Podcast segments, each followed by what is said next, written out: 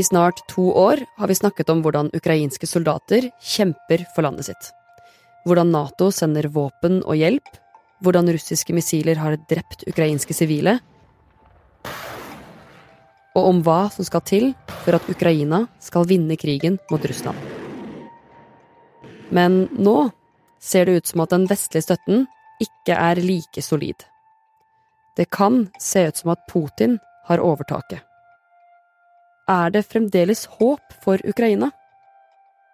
Du hører på Forklart fra Aftenposten, en podkast der vi forklarer én nyhet i hver episode. I dag er det mandag 18. desember, og jeg heter Jenny Føland.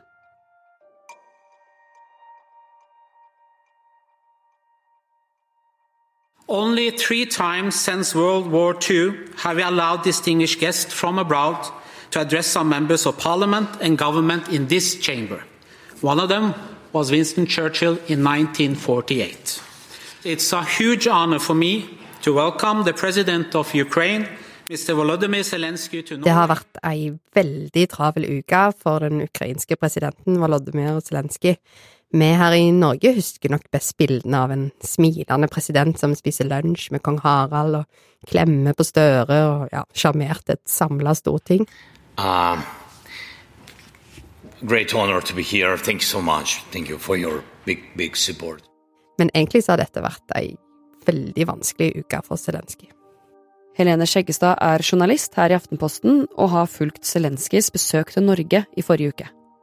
Zelenskyj er nå på en lang turné for å samle inn støtte til forsvarskrigen Ukraina står midt oppi. Her i Norge så var han jo først og fremst for å takke alle de nordiske landene for den støtten som er gitt. We have such strong friends, Norway. Thank you so much. Men, men viktigere var det nok at han gjorde en innsats for å sikre fremdeles støtte, og da ikke minst økonomisk støtte, fra USA og EU. Eh, Han har rett og slett banka på døra for å si hei, hei, dere, det er fremdeles krig i Ukraina, ikke glem oss. For det er det vi gjør. Ja, Ukraina er jo ikke lenger øverst og mest på agendaen lenger, og, og det er det jo flere grunner til. For det første så, så var det enorme og antageligvis ganske urealistiske forventninger til at Ukraina i vår og sommer skulle prøve å ta tilbake mye av det landet Russland hadde tatt i denne såkalte motoffensiven. Det klarte de ikke, og det er nå rett og slett ekstremt vanskelig med sånne store militære seire på fronten i Ukraina. Det andre punktet er at det har dukket opp en ny krig. Ødeleggelsene nord på Gaza er store, og mange er drept. with fierce battles being reported with Hamas. At least 50 people are said to have been killed, and many more.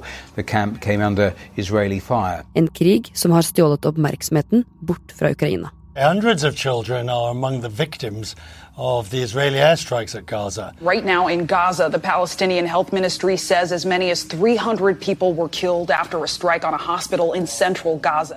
Og det henger egentlig sammen med det tredje punktet, for nå har denne krigen pågått lenge, og nyhetsinteressen den daler, og det oppleves som om det egentlig ikke er så mye nytt som skjer, og så er det en dyr krig, og ja, folk er jo mer opptatt av nære problemer, og begynner rett og slett å bli lei.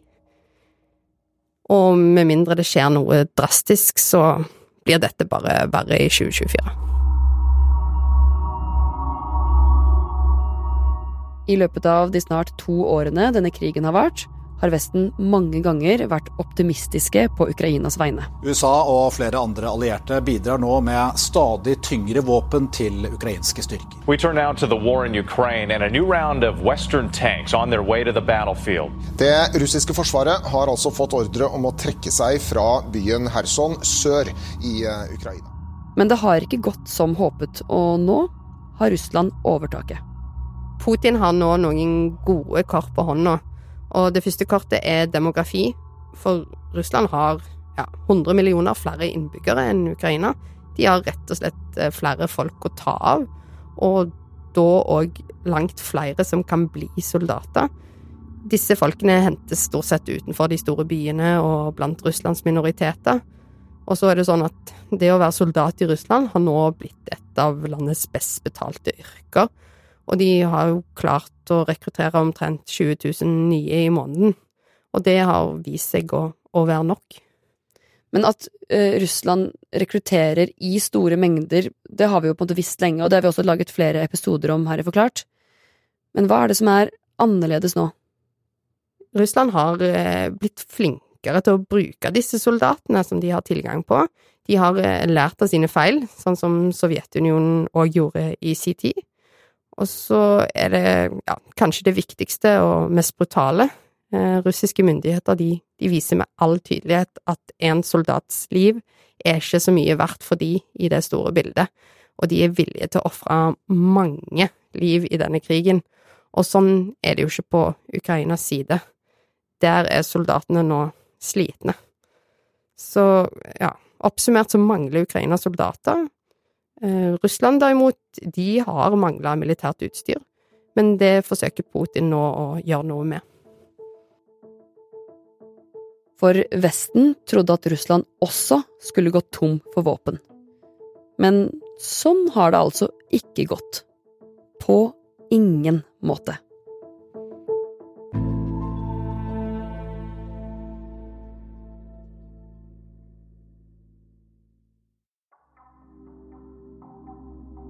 Siden krigen starta, har Vesten til stadighet spådd at nå, nå går det dårlig for Russland. Nå går de tomme for soldater, for penger og for våpen. Men det man ikke har tatt med i beregningen, er at samtidig som at Vesten vender ryggen til Putin, har han skaffet seg andre venner. Russland de får droner og teknologi fra Iran. Og i høst ble det òg kjent gjennom amerikansk etterretning at de har klart å spore 1000 konteinere med militært utstyr fra Nord-Korea til Russland. I tillegg så kunne Aftenposten i høst avsløre det som trolig er en ny våpenrute inn til Russland, og denne da tredje våpenveien går fra Syria gjennom tyrkisk kontrollerte Bosporos-stredet og så til russiske havner. Så de får det fra litt forskjellige steder. Så de får mer enn det Ukraina får fra Vesten og Nato?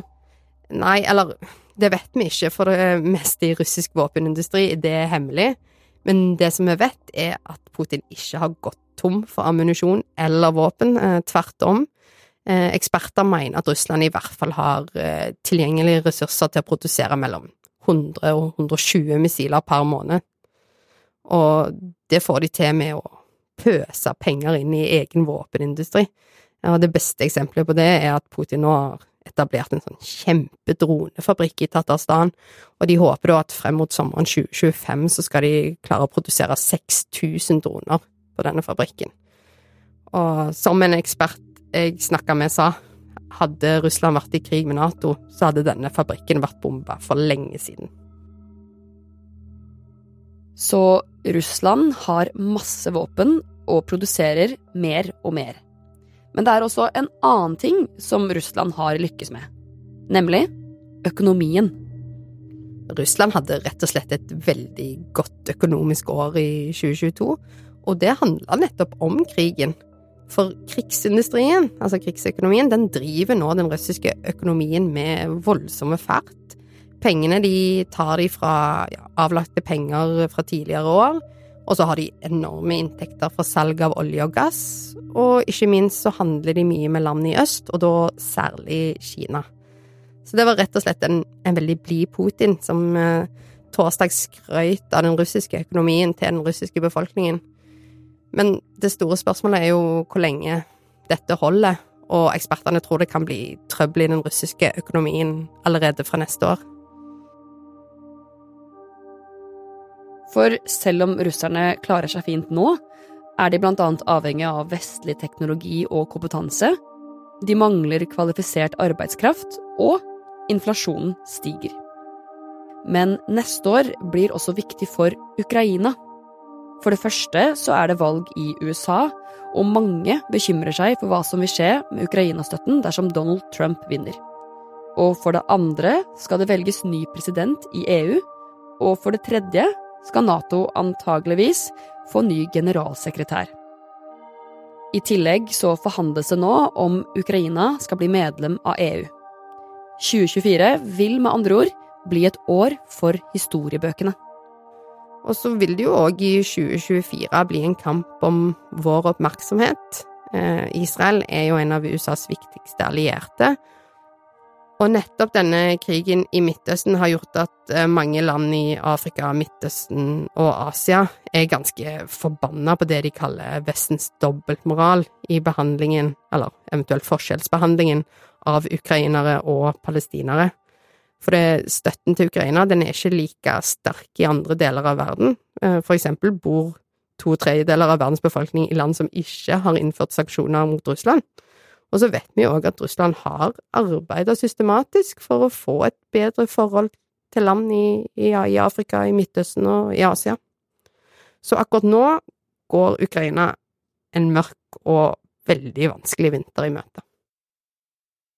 Så betyr det her at at Ukraina har null sjanse da, i krigen mot eh, Russland? Hvis alt fortsetter sånn som det er nå, så mener ekspertene at Russland er best posisjonert til å vinne krigen. Men det betyr ikke at Ukraina har tapt krigen. Ukraina kan fremdeles vinne, hvis Vesten vil det.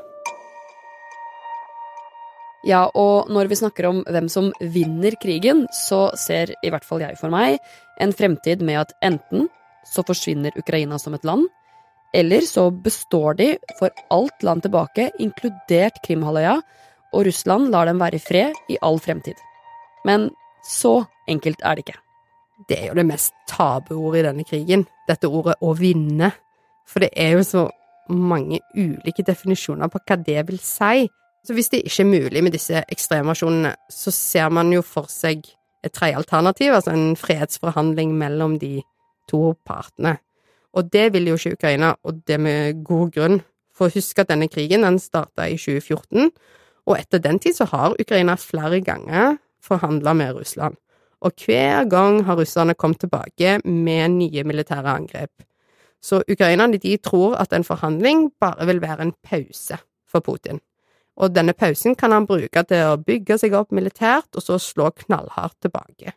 Så Ukraina de har rett og slett en dyrekjøpt erkjennelse av at denne konflikten kan ikke fryses. Å gå til fredsforhandlinger vil kanskje bety at Ukraina må nøye seg med noe de egentlig ikke ønsker.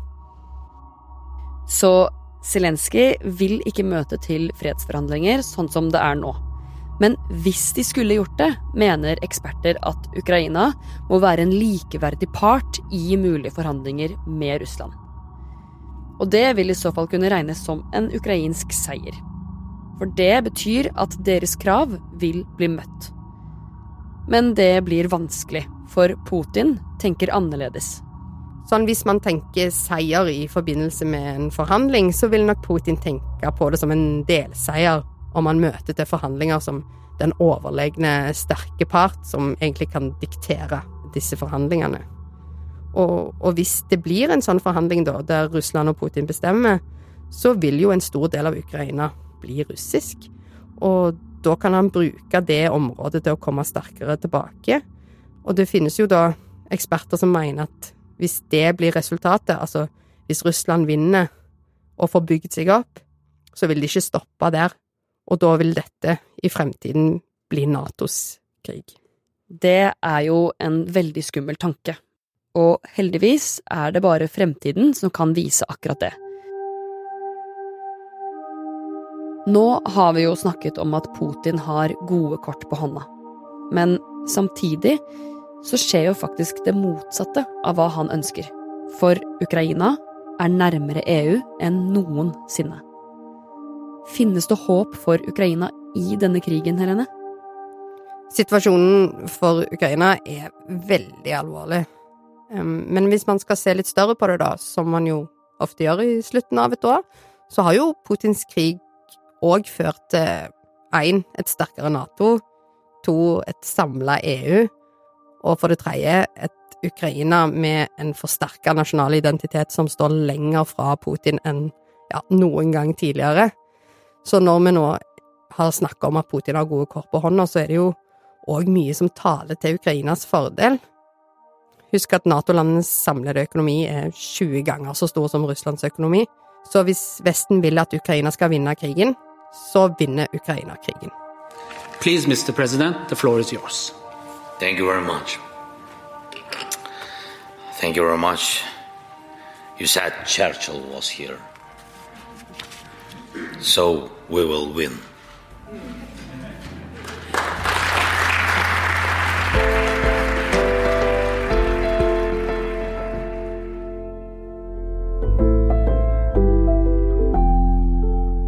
Du har hørt en podkast fra Aftenposten. Det var Helene Skjeggestad som forklarte deg hvorfor Putin har overtaket i Ukraina-krigen. Denne episoden er laget av Fride Næss Nonstad og meg, Jenny Føland.